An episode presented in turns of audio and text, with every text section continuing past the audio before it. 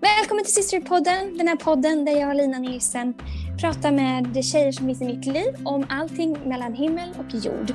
Och idag så ska jag prata med Ida Möller. Ida är en god vän till mig. Vi har pratat så många gånger i vårt liv och det ska bli jättekul att få prata med henne idag igen. Så ett ögonblick så ska vi se.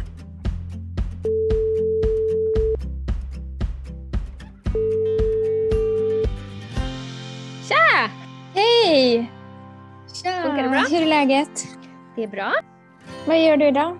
Då, jag har precis suttit med eh, en tjej som är intern i kyrkan som eh, jobbar tillsammans med mig och vi har planerat lite. Så idag ska jag bland annat eh, forma innehåll till en workshop som vi ska ha i Stockholm city om några veckor. Ja. vadå? Eh, om mångfald och inkludering.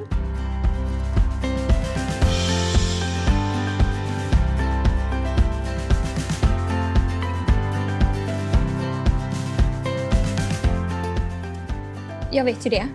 Men för de som inte vet det. Hur mm. började du hålla på med inkludering eh, och så vidare? Och jobba med det? Ja men exakt. Jag, ehm, det har ju varit en process under sommaren och eh, början av hösten där ehm, vi har pratat om att gå in i lite nya eh, arbetsuppgifter för min del. Så delvis så har jag börjat plugga halvtid på ehm, masterprogrammet i personal, arbetsliv och organisation i ett HR, HR-fördjupning kan man säga på min utbildning som jag har i botten. Så det är den ena delen, det gör jag på halvfart. Och sen den andra delen så jobbar jag med kanske, vad ska man kalla det? Eh, om vi ska sätta ett namn på det så kanske det blir HR-strateg. Att man tittar på hur strategiskt ska vi komma oss dit vi vill på, i kyrkan. Eh, när det gäller vår eh, personal, men också kanske våra ledare och volontärer. På områden som rör vår organisation, ledarskapsutveckling och mångfald och inkludering tre liksom, tårtbitar som är mina nya fokusområden. Så nu har jag släppt eh, pastors, campuspastorskapet för norra och city och lämnat över det i goda händer eh, så att jag kan foka på de här. Hur många gånger i ditt liv, hur många gånger i ditt liv har du bytt roller? Eller arbetsuppgifter? Oj, jag vet inte om jag kan räkna det faktiskt, för det känns som att det var någon som skojade och sa att det är så här, åh nu är det snart Heart and Soul, då ska vi få höra vad Ida ska göra nu. att varje Heart and Soul ja, så har jag en ny mycket roll. Riktigt. Det, mycket riktigt så är det ju faktiskt. Eh, nej men det är ju, jag tycker ju om att göra omväxlande grejer också, så det är inga, inga problem. Eh, och sen så tror jag att jag vet att jag har sagt det vid något tillfälle tidigare, att det är kanske inte primärt viktigt vad jag gör, utan att jag gör att jag är med och bygger ja. och att jag är med och bidrar än kanske vad specifikt uppgiften är. Eh, men jag är väldigt glad mm. för det jag får göra nu, för jag brinner verkligen för det. Och jag tror att vi, eh, ja, men vi vill ju vara en kyrka som går före på det här området. Verkligen. Tycker du om förändring? Ja, men jag tror, ja. ja jo, men jag tror det. Initialt. Om man får bestämma det själv. Exakt. Initialt om jag blir utsatt för förändring så är jag alltid lite så här, Alltså det tar alltid emot lite grann och så måste jag få processa det lite, bearbeta det lite och så är jag oftast på. Eh, men på hemmaplan så är det ju jag som kanske står för förändring och det är jätteroligt att se att våra barn responderar jätteolika på förändring. Den ena är ja och den andra är aldrig i livet. Eh, så det beror kanske på vilken typ av förändring det handlar om. Ja, det är så intressant gillar, det där. Gillar du förändring? Ja, men jag tror det är samma. Att jag, jo, jag gillar förändring. Mm. Men det är klart att man tycker väl alltid att man vet bäst själv. Så man vill, vill ju bestämma vilken förändring som är bra. och man precis som du, jag kan behöva bli övertygad. Liksom, och, ja, jag får väl se om det här blir bra då. Men, mm. men jag älskar nystarter. Alltså nystart mm. på terminen eller ny, eh, ja du vet allt sånt där. Köpa mm. en ny kalender eller att göra förändringar och bara hur ska jag göra nu? Mm, vad ska jag fokusera på nu? Ja, allt det här. Det Men det tycker jag att du är duktig på. Det gör ju du alltid någon gång per år så här att du utvärderar varför jag gör det här. Ska jag sluta med det här eller ska jag börja med något nytt? Eller det gör ju du varje år. Det tycker jag är jättebra. Ja. Jo, men det, det är nog bra. Så man inte bara fortsätter. Nej, och jag tänker även, jag brukar göra det någon gång per år. Jag är nog inspirerad av dig där, att man så här funderar på bor jag på rätt ställe? Gör jag rätt saker? Lägger jag pengarna på rätt grejer? Lägger jag tid på rätt saker? Så att man inte liksom mm. efter ett år kan konstatera att eller var bitter eller besviken över det blev inte alls som jag hade tänkt för att någonstans så äger man ju då, men jag bor här för att jag vill bo här eller jag gör det här för att jag vill uh. göra det. För mig underlättar det i alla fall att uh. fatta sådana beslut lite nu och då. Ja, och för mig med. Och jag tror att om jag till exempel om så här, ah, men jag bestämmer mig för att det är faktiskt här jag vill bo till exempel. Mm. Då klagar jag ju mindre över det till exempel då. Eller vad det nu skulle mm. vara. För då har Exakt. jag ändå bestämt mig själv. Även då när jag känner så att vissa saker är jobbigt eller är trögt eller vissa saker man har bestämt sig för att göra så har man ändå bestämt sig att det är det här jag ska göra. Och då blir det, ja, då får jag liksom inte, då kan jag inte vara gnällig över det. Nej. Utan då får jag bara, då vet jag varför och då är det värt att fightas för och då, ja. Men det, man, tar udden av, man tar udden av det lite. Jag älskar det. Köpa ett nytt anteckningsblock. Jag har så sjukt många halvskrivna. Hör du det? Så här, bara skriver halva. Och sen ja. bara... Men jag har faktiskt bestämt mig nu att jag ska, det jag skriver i nu, det ska, det ska jag jobba med hela vägen ut. Jag är halvvägs nu i alla fall. I min dagliga mm. andaktsbok. Bra gjort. Jag vet inte hur länge vi har känt varandra. Egentligen. Men vi har alltså, väl känt till varandra i 25 år, men jag tror att vi har väl inte känt varandra för uh. kanske 20 år. Det är lång tid ja, Det är ändå. rätt många år faktiskt. och vi, är så här, ja, men vi har gjort det och det, vi börjar bli gamla och vi fortsätter att få nya roller. Så här. Vad gör du för att vara uthållig? För att liksom fortsätta? Eh, och har det alltid varit lätt för dig att göra det? Mm, både ja och nej tror jag. Um, jag tror att i grunden uthållig så är jag nog det absolut utifrån att eh, någonstans innerst inne i mitt hjärta så har jag fattat ett beslut om vilket typ av liv jag vill leva. Och det gjorde jag ju mm. redan tidigt som ung vuxen när man flyttade hemifrån när jag var 19 år. Eh, så på något sätt så satte man ju, jag satte kursen då, så här, det här livet, jag vill leva ett sånt här liv. Och det tänker jag hålla fast vid. Sen så utmanas ju det i olika omgångar vi brukar prata om säsonger ju. Alltså det utmanas ju i, mm. när man fick små barn, då var det utmanande på ett visst sätt. Och när man har stora barn är det utmanande på ett annat sätt. Och jag kan tänka mig att det blir en annan utmaning när barnen har flugit ut också. Alltså så att på något sätt så rör vi oss på olika platser där det utmanar hela tiden. Och jag har absolut varit frestad att ge upp många gånger och nej men jag, väl, jag väljer något annat eller jag väljer en annan väg eller, eh, eller sådär. Men någonstans så kommer man tillbaks till den där grund ja, men på något sätt löftet man har gett Gud att jag vill leva för dig. Um, sen kan ju det se olika ut såklart. Det behöver inte bara se ut på ett visst sätt. Det är inte bara att jobba i kyrkan Nej. till exempel. Men jag tror för min del så är det i alla fall att jag faller tillbaka på det, på det beslutet. Ja. När ville du senast ge upp? Eh, nu är det nog ändå ett tag sedan tror jag. Det var i somras kanske. Ja. Jag vet inte om det är länge sedan. Det är ändå bra. Sista månaderna har jag absolut inte velat ge upp. Men det kan ju ha att göra med att jag är i en nystartsfas där jag gör nya saker och får liksom så här plöja mark och ja, träffa mm. många människor. Det är kul. Och otroligt mycket energi av att träffa, träffa människor. Eh, jag flyger hem på pendeltåget ibland av liksom bara ja, men glädjen av att få dela, dela livet med andra människor.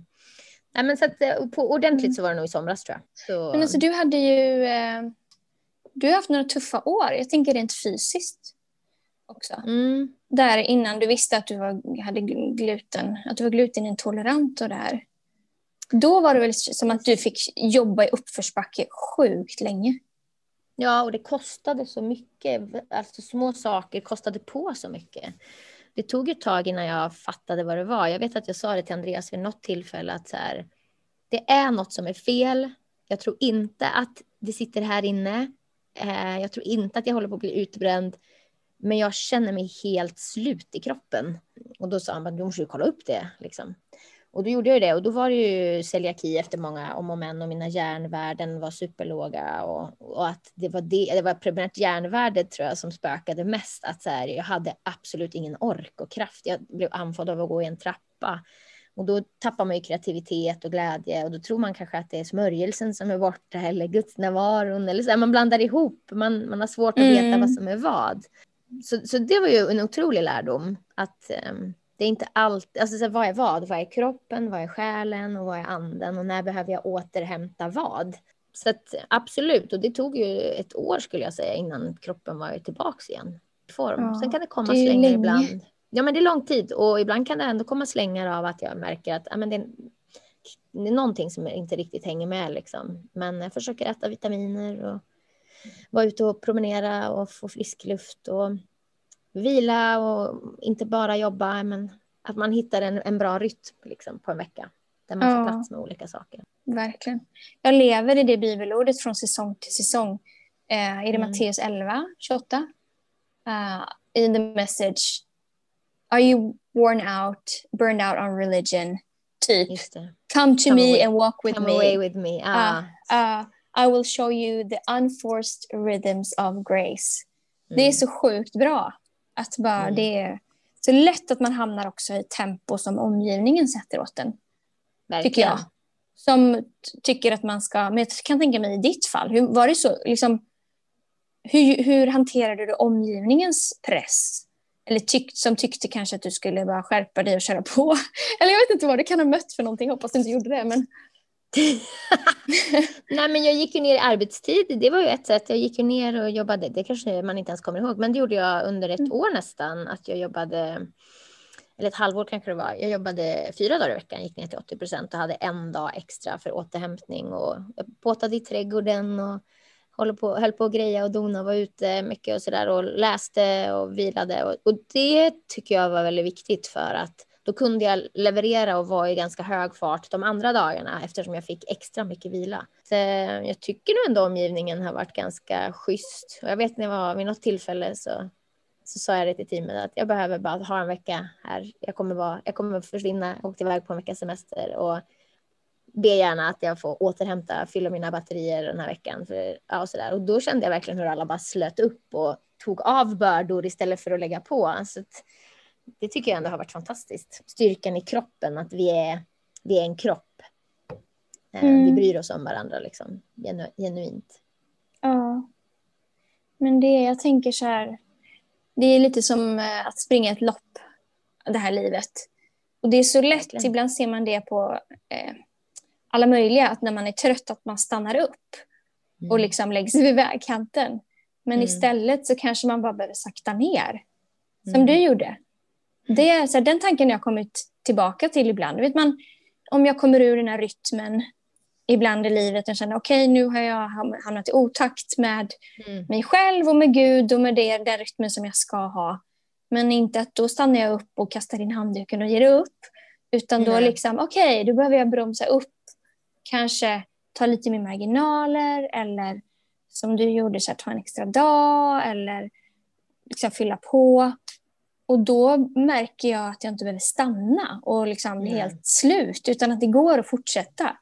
Men att lära sig den här, liksom, vilket tempo man ska ha i olika säsonger, det är ju inte helt lätt, men det är väl någonting som jag lär mig fortfarande. Mm, eh, men verkligen. jag lär, lär, mig känna av det mer och mer. Liksom Okej, okay, nu har jag kört lite för mycket.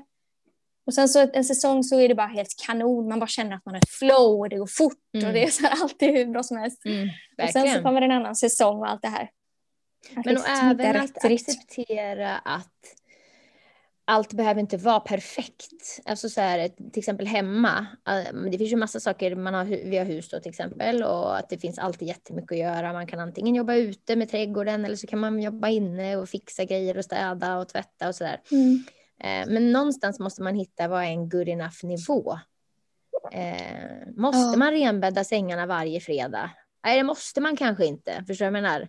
Eller hitta, hitta lösningar där det, det, kanske kan stå en vas här halvtom en dag extra. Det är inga problem. Alltså så att vi ibland, det brukar jag säga till många som blir tvåbarnsmammor faktiskt. Sänk ambitionerna. Sänk ambitionerna för vad man ska hinna med, sänk ambitionerna för hur saker ska se ut. För att annars så dör man på köpet om man ska hinna med allting och att allt ska vara så Instagramvänligt och det blir ohälsosamt oh. istället. Alltså då är det viktigare att hinna läsa sin bibel och vara närvarande än att det ser bra ut till exempel. Ja, verkligen. Men det är kanske en ålderssak också. Tror jag tänka på att man blir mer trygg i sådana saker ju äldre man blir. Jag vet inte vad du känner. Ja. Jo men det är vi som gamla, två gamla gummor. Vi kommer sitta där om 40 år till och bara prata om ungdomarna. Men livet. Men ja, alltså man lär sig vad som är värt någonting. Vad som är viktigt och vad som faktiskt inte är så viktigt.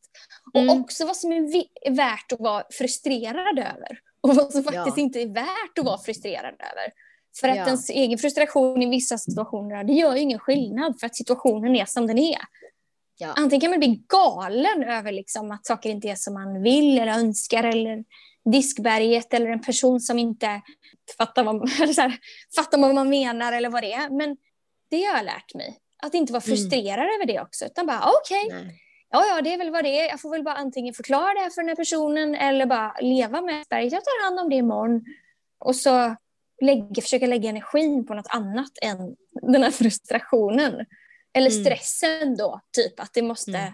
att man lägger efter eller ja, allt det där. Det är kanske en rolig grej. Jag, jag tror det. Och, och kanske också, vi pratade om det för någon dag sedan, min man och jag, eller Simon, att, att så här, när man har barn som börjar bli lite större så är ju mycket av ens, det känns ju som att det enda man gör är att tjatar. Alltså man bara tjatar om alla möjliga grejer. Och man, blir, man får ju hål i huvudet, både på sig själv och jag tror de oh. också får hål i huvudet på oss. Oh. Och då sa vi så här, men, men kan vi inte bara välja att vi tar rätt saker? Då kan vi väl välja att tjata på när attityden kanske är dåligt eller liksom sådana saker som faktiskt betyder något för deras karaktär och framtidsutsikter än oh. om besticken ligger lite snett eller om kläderna inte ligger på exakt rätt plats eller om ja, det små detaljer oh. som i det långa loppet faktiskt inte betyder någonting.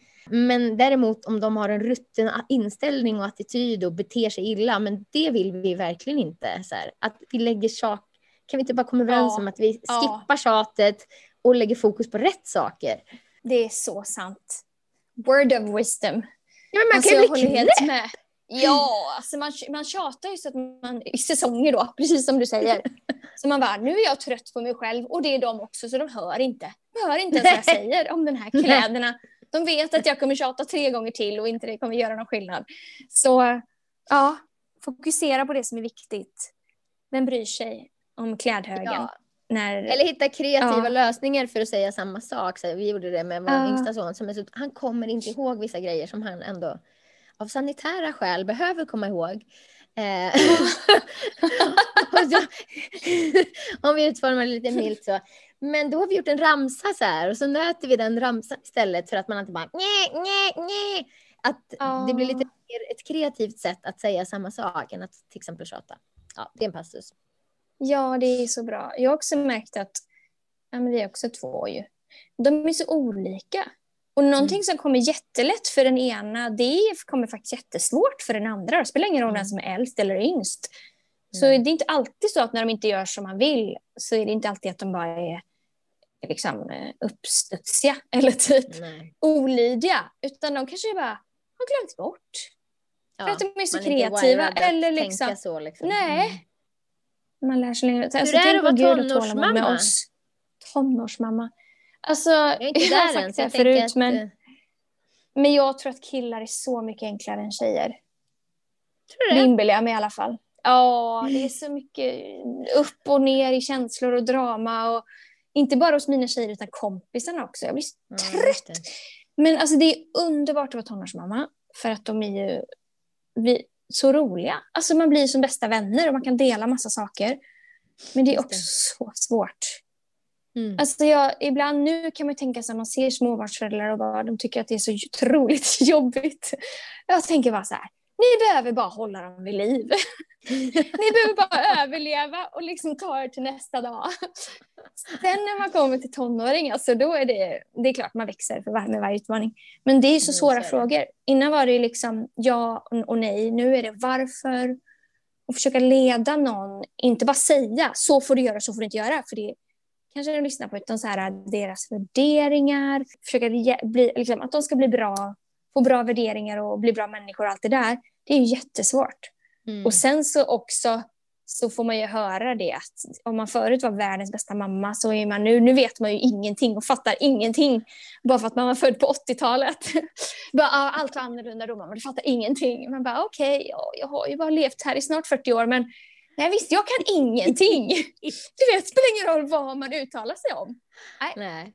Fullständigt Nej, blåst. Fascinerande. Så det är ju kul att få veta det. Men, Min mamma hade ett uttryck, så ja. jag har ibland frågat så här, bara, varför gjorde ni så här? Eller varför tänkte ni så här? Eller så. Och då har hon, hon har använt ett uttryck som jag faktiskt tycker är ganska bra. Att man är barn av sin tid. Och det innebär liksom att det, Ja. som, det som var rådande då, det allmänna tankesättet, ja, men det påverkas man av. Typ, vi hade ja, men inga bälten i bilen under en ganska lång period, liksom, när vi var ganska små. Ja. Man, man rullar runt där bak och liksom... Verkligen! På långresor bäddar man gjorde en vi stor typ. säng. Och du vet, så här, det var ju hur mysigt som helst. Men så här, hur kunde ni göra det? Ja, men det var ingen som pratade om trafiksäkerhet då. Liksom. Det, man är barn av sin tid. Och det brukar jag faktiskt tänka på, att vi är ju också barn av vår tid. Saker vi tycker är självklart är ju inte självklart för barn som växer upp nu. Och en del av det är bra och en del Nej. av det är absolut inte bra. Så det är Nej. lite intressant faktiskt. Men det är superbra. Ja, det är det. Men jag märker också, även om det bara är två och ett halvt år mellan våra tjejer, att sånt som vi var jättehårda med med Sally, det blev hon ju superfrustrerad över, det är vi inte lika hårda med med Angie. För Nej. att vi märker att den fighten var inte så viktig. Det är Nej, lite synd om äldsta barnet. De blir ju liksom försökskanin, stackarna. Mm. Tur att de Ja, växer upp verkligen. och blir så bra och vettiga ändå. Liksom. Man vet ju inte bättre. Och så bara, nej du har rätt, vi borde inte fight. det borde inte varit en fight. Men vi visste inte bättre. Nej. Vi gjorde så bra vi visste då. Och nu när jag vet bättre, det finns något talesätt, då gör jag bättre kanske. Mm. Precis, utifrån de Men det är ju förutsättningar ändå- kunskap. Ja, Mm. men det är ju ändå skönt. Jag försöker att tänka att jag gör så gott jag kan och så kommer Gud göra resten. Någon Mm. annan sa så här, ja vi gör så gott vi kan och så får vi skicka dem till terapi för resten. Jag vet inte om det var så här krasst. Ja, ja, de får väl gå i terapi för det vi, vi misslyckas med. Bara, Oj, okej. Ja, terapi är Ja. sällan dåligt, men eh, man kanske inte ska... Man kan sikta på det. men apropå det, det är ju snart en stor födelsedag coming up för dig. Hur känns det? Ja, jag fyller ju faktiskt 40 i november. Alltså, jag hade, jag måste vara ärlig, jag hade lite åldersnoja när jag var, när jag var 39. Jag är fortfarande 39. Men du vet när jag fyllde 39. Inte Ja. här noja, men du vet jag började fundera över saker. Det gör väl alla, tror jag, mer eller mindre. Ja. Så här, åh, hur jag ser äldre ut, vad jag... Kanske inte så mycket vad jag åstadkommit och sådär. Men med alla möjliga saker. Så då var jag Mm. tyckte så här, åh, varför var frustrerad över att det är ett sånt ungdomsideal, eller så här skönhetsidealet. Mm, Att det, man ska se så sjukt ung och fräsch ut, bara den grejen. Och alla möjliga saker. Att man, liksom he, man firar ungdom på något så Mm. sjukt sätt i samhället. Mm. Det är visst klart vi ska fira det, men så då bestämde jag mig för så här, ja, jag ska åldras, jag ska göra det attraktivt att åldras. Och Bra så finns det folk som lyssnar på ett samtal som är 30 år äldre än oss. Så det är kanske inte något man ska säga att vi är gamla vi är 40, men när jag var tonåring, då när mina föräldrar fyllde 40, alltså de var ju det så gamla. ocean I mina, I mina ögon, alltså, de var så gamla! Men Ja. eh, det, ja, så det finns ju sådana som ser mig som så gammal. Men man vill liksom göra det fräscht att bli äldre. För Mm. nu, nu har jag släppt den här nojan lite. Alltså det är det bästa jag vet. Att vara i den Mm. här åldern. Mm. Som du sa, eller som vi pratade om, man släpper så mycket grejer som man inte behöver bry sig om eller släpa på. Nej. Så det, jag tycker det är underbart. Det Jag tänkte liksom- även på det i söndags Ja. när vi hade så här Heart for the House-presentationen om generationer och Miley's eh, Ja. Zoominen som är 80 år. Eh, om du hör det här Miley's, I love you. Eh, men det, blir, det blir ett sånt Ja. perspektiv för ju då har jag ju lika långt kvar tills jag är där som hon är. Hon är 80. Så det är hela min livstid igen och din också. Och hur Alltså det är liksom- så länge. det är häftigt! Och att, att så här, ja, men, tänk ändå om man känner så här vid 40 att man bara, ja, men, man, man är tryggare på något sätt i utgångsläget och vad man vill och vart man är på väg. Så tänk då hur det är vid 80. Det är ganska härligt. Uppfriskande tanke. Jättehärligt.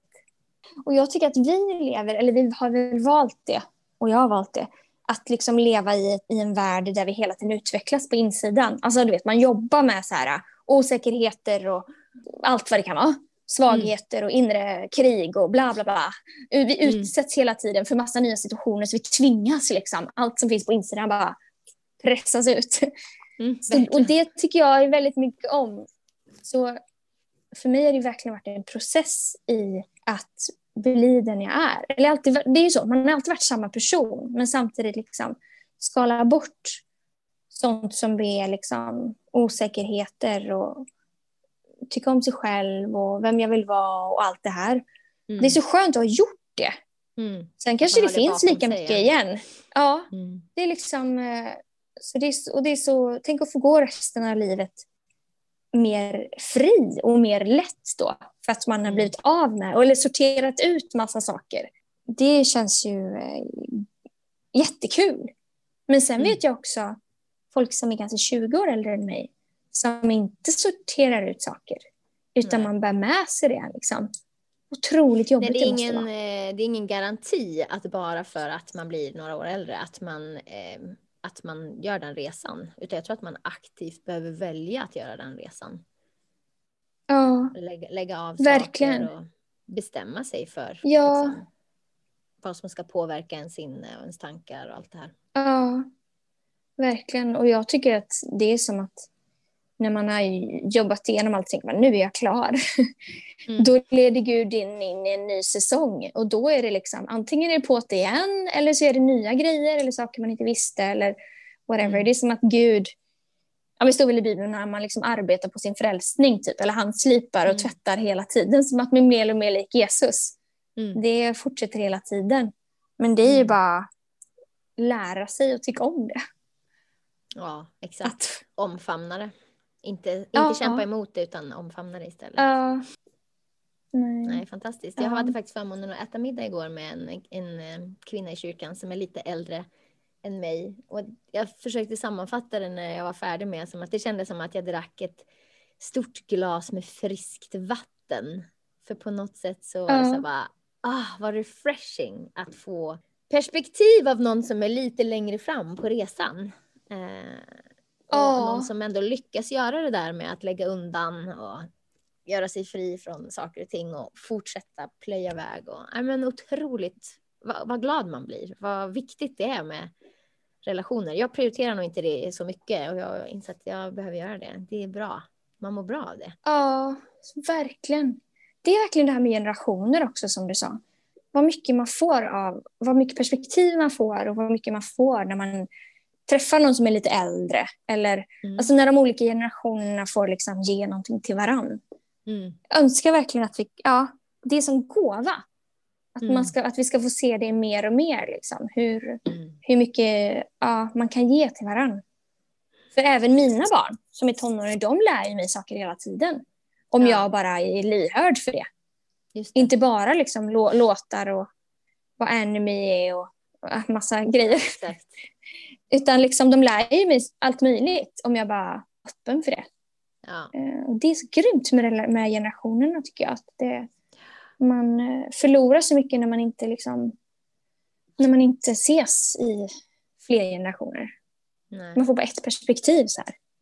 Alltså har du sett, TV4 har ju en serie nu som heter. Fyraåringarna på äldreboendet. Har du sett den? Nej. Den är fullkomligt är det barn på ett äldreboende underbar! Eller? Man har liksom gjort en studie där man tar in en hel förskolegrupp liksom med barn. Eller de är ja, kanske tio stycken på ett äldreboende under sex veckor. Och så mäter man de äldres liksom, dem, alltså, tecken på demens, styrka, rörlighet, alla möjliga saker innan och efter. Uh. Och så får man följa det här projektet och det är helt fantastiskt. Alltså det är sån, alltså man gråter ju varenda avsnitt av lycka typ och se glädjen ja. som föds hos de äldre av meningsfullhet och delaktighet och hos barnen. Äh, det, det, var så fantastiskt. Och jag tänkte när jag ser den så här, men det, det är ju exakt så där det är i kyrkan. I kyrkan möts vi ju alla generationer på ett sätt som man inte gör i samhället i övrigt. Och vilken styrka det är. Förutom den här bedrövliga covid-säsongen då när vi inte kan göra det på samma sätt. Men det var, det var verkligen så otroligt tydligt. Så det är ett tips om man inte sett det. Det är fyra avsnitt. Jag ska kolla på den. Ja, jag ska alltså, kolla på den. piller. Jag lovar. Alltså vad jag saknar att jag saknar faktiskt att åka till Erlinghem, det äldreboendet som vi var på förut. Just det. För det mm. gav mig så, även om en del samtal inte, det handlar mest om en kopp kaffe och allt, liksom mm. så här, väder och vind, så mm. gav det mig ändå så mycket att få ja, men få prata med någon som var 80-90 år och var, mm. På tal om att lägga av sig saker, vad som är oviktigt och viktigt. Så här, mm. det, de var ju verkligen längre fram på den resan kan man säga. Det, så den här, ja som du säger, den här covid-skiten. Covid-eländet! det ber vi mm. att det ska ta slut en dag så att vi kan, eh, man kan åka dit igen och ta med barn. Och, ja. ja men verkligen. Kommer en dag. Det, det kommer en dag. Ja, men det är viktiga mm. perspektiv. Och så blir det, så, det är så sorgligt att höra när äldre, då något äldre, tycker att, eller tror att de inte är behövda. Mm. Att de inte har något att bidra med längre. Mm. Så det är ju fruktansvärt. Mm. Eh, Verkligen. Ja. Det är som en, de har som en skatt på insidan, de flesta. Men du, apropå Så, generationer och ungdomar och förebilder och sådär. Du har väl något spännande på gång? Jag vet inte om du vill berätta oh, det kanske? Men... Åh, oh, ja, min bok!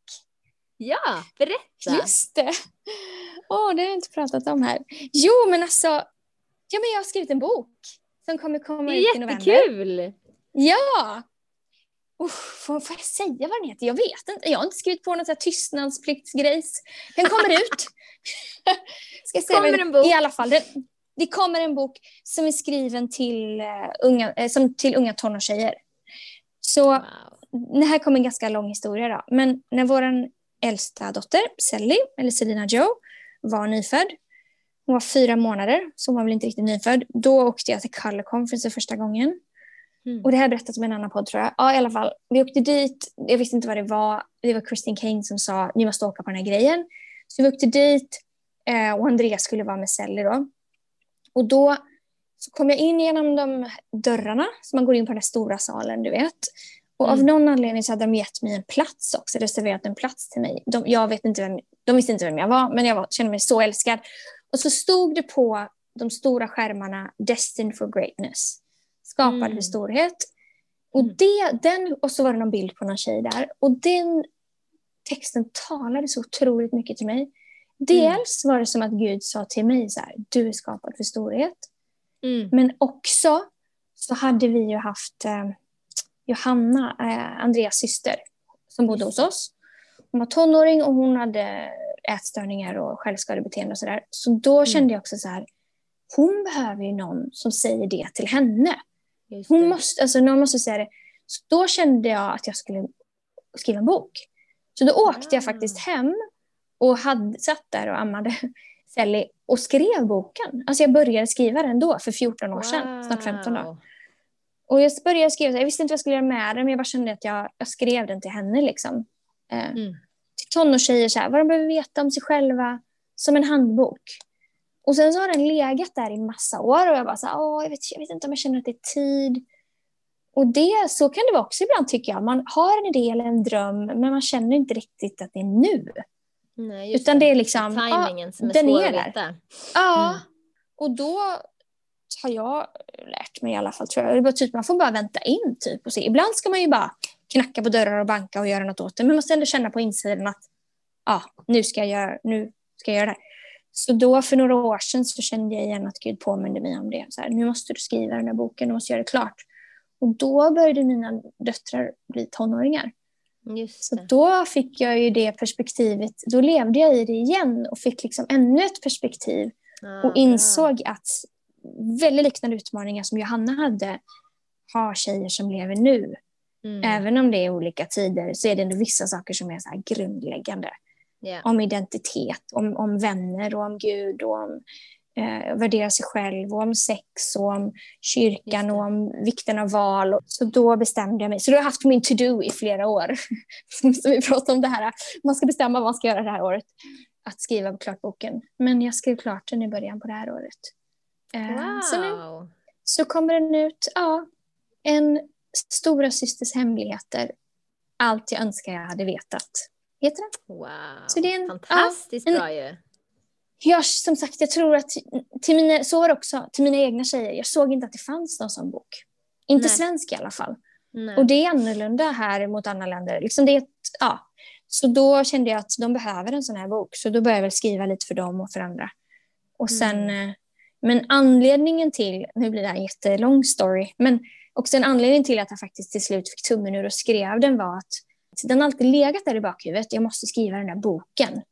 Mm. Och då när man har typ en dröm eller någonting man vet att man verkligen måste göra, då är det så lätt att bara, den där stora drömmen som man inte vågar nästan kliva in i. För tänk om den inte händer, tänk om den inte blir bra, tänk om jag misslyckas, vad händer då? Mm. Men då så var det någon som predikade en predikan och bara, du måste drömma större. Då insåg jag så här, men jag ska inte tänka att jag ska skriva den här boken. Jag tänkte att jag ska skriva min första bok. Just det. här. det här får bli min första bok. Mm. Och det låter ju jättekonstigt. Men för mig var det så här, ja, ah, men då vill jag inte tänka att den här boken måste bli så perfekt. Eller liksom ha allt. Eller vad, du vet. Inte hela världen om man missar någon första... liten grej eller något annat. Utan Nej! Finns... Utan mm. det finns mer sen. Jag ska bara göra min första mm. bok. Eh, och sen får vi se om det blir fler. Men det var bara det, var 40 det år till, ta bort pressen. skriva fler böcker. Vad blir det, då? Det blir några stycken. En mormors bekännelser. Ja. Precis! Ja, hjälp. Ja. Men jag pratade med en annan med en tjej häromdagen faktiskt just om det här med drömmar saker man drömmer om att göra. Så. Att det är så lätt att man skjuter upp det för att man är osäker på om man ska lyckas. Typ. Mm. Det, drömmen blir så viktig så man vågar inte så länge det är en dröm, då är det fortfarande den här underbara drömmen. Men när man mm. börjar gå ut i den, då kanske den mm. förlorar lite av sin glamour. Liksom, mm. den är inte så, det är inte så glamoröst och så kan, finns det risk att den inte blir. Och att man misslyckas. Men eh, att eller liksom att alla våga. inte tycker om det eller vad det ja. är. Liksom. Så var det väl lite när jag släppte min soloskiva för många, många år sedan. Ja. Också, att, här, jag bara kände så här, men jag känner att Gud vill att jag ska göra den. Och alla kanske inte förstår det, håller med om det, kanske ens tycker att det är bra. Men jag känner fortfarande liksom att jag tror att, jag tror att det var viktigt för mig att göra det utifrån lydnad gentemot Gud. Om man får ett tilltal eller något som man tror kommer från Gud, då behöver man agera på det. Även om alla kanske inte förstår. Och varje gång jag får ett testimony från någon som skickar in att den här sången har betytt så mycket för mig i den här krisen jag har varit i eller jag har sjungit ut de här orden över mitt äktenskap eller vad det nu kan vara liksom. Men då känner man, ja det var ju värt det. Det var värt ja. den där osäkerheten och den där våndan och allt det där. Så det finns ju någonting i att Gud lägger ju saker i oss för andra människors skull. Han bryr sig om människor. Och ja. troligtvis så är det ju många tjejer som kommer behöva läsa den här boken och bli berörda av den och förhoppningsvis kanske man kan korta sträckan av kaos och förvirring och så vidare, utan att de kan få klarhet och inte behöva hamna snett, utan att de kan få gå på vägen mm. som Gud hade tänkt. Tänk, det vore väl fantastiskt om, mm. vi, om det kunde få komma en generation med tjejer som inte håller på och lägger massa tid på med hjärnspöken utan lägger tiden på Nej. att göra Jesu vilja och vinna människor för Gud och skapa ja. och uppfinna och jag vet inte vad. Alltså, det är Verkligen. häftigt. Amen. Ja. ja, men du, tack för ett fantastiskt samtal. Ja, det här var själv. otroligt inspirerande. Det är det alltid. Jag lär mig alltid saker av dig. Ja, men detsamma. Ja. Verkligen. Kul. Ja, men njut av din dag då. Men du, detsamma. Vi kommer väl ses lite senare, spela in lite spännande saker. Just det, vi ses. Vi ses vid en kamera nära dig. Snart i en kamera nära dig. Nej men underbart. Tack för det här samtalet Lina. Du är bäst. Ja, tack själv. Du med. Ha, ha det så bra. Hejdå!